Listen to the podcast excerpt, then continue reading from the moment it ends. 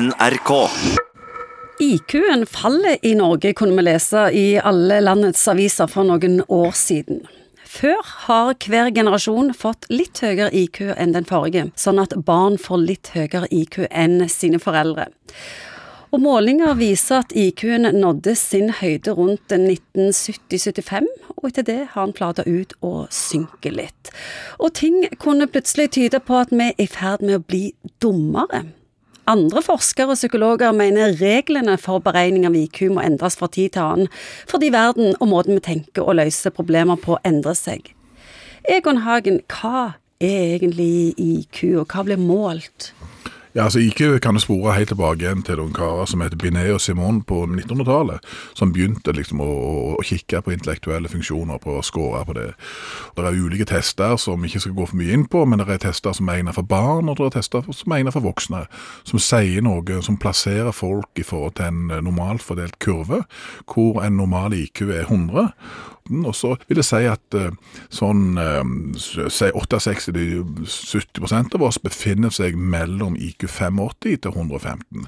Så der ligger liksom hovedparten av oss. Og da er det logisk tenking eh, og ordforståelse og sånne ting? Det er verbal resonnering, og det er perseptuelle ting. Det er det vi kaller arbeidsminne. altså Det må du holde holde mange tanker i hodet samtidig, og det som kalles prosesseringshastighet. Altså klokkefrekvensen din, om du vil. Hvor kjapt går det? Vi har målt eh, IQ på alle rekruttene på sesjon siden 50-tallet, og nå fra 70-tallet og etterpå så har det sunket. Hva tenker du om det? Ja, det som jeg kan si, Ingvild, er at eh, jeg tror ikke vi blir dummere i det hele tatt. Jeg tror faktisk det er den andre veien det går. Vi blir høyere, blir sterkere. sterkere og alt dette som handler om, eh, om, kost og livsstil og alt dette.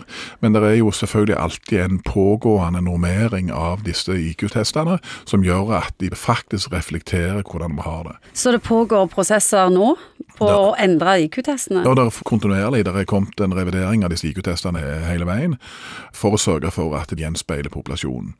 Og Det som er, kanskje er viktig å få fram i forhold til dette, det er at eh, hvorfor snakker vi om IQ? Mange syns jo det er litt, sånn litt tungt og trist begrep, fordi at eh, liksom, det gjelder å velge sine foreldre med omhu. Vi vet at dette er en stor arvelig komponent av alt dette.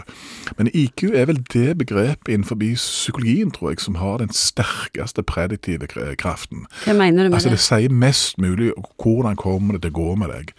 Så en IQ er alltid bra å ha. Altså, de rusmisbrukerne som har en høyere IQ, har en bedre recovery. Eh, psykiatriske pasienter med høy IQ greier seg bedre. Det gjelder oss alle at det har den enorme prediktive kraften hvordan det faktisk går med oss. Og mange er livredde for å teste sin egen IQ. Og spesielt psykologer og folk som driver med det. Da ser du bare det hvite i øynene hvis du vil snakke om å prøve dette sjøl. For det er òg knytta så sterkt til integriteten og hvem er du. Smarthet er veldig personlig. Hvordan må IQ-testene endre seg?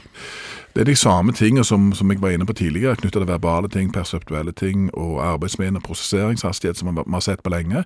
Men akkurat hvor cutoff-scoren i forhold til hva som er normalt og hva som er utenfor det normale, det har måttet endre seg hele veien.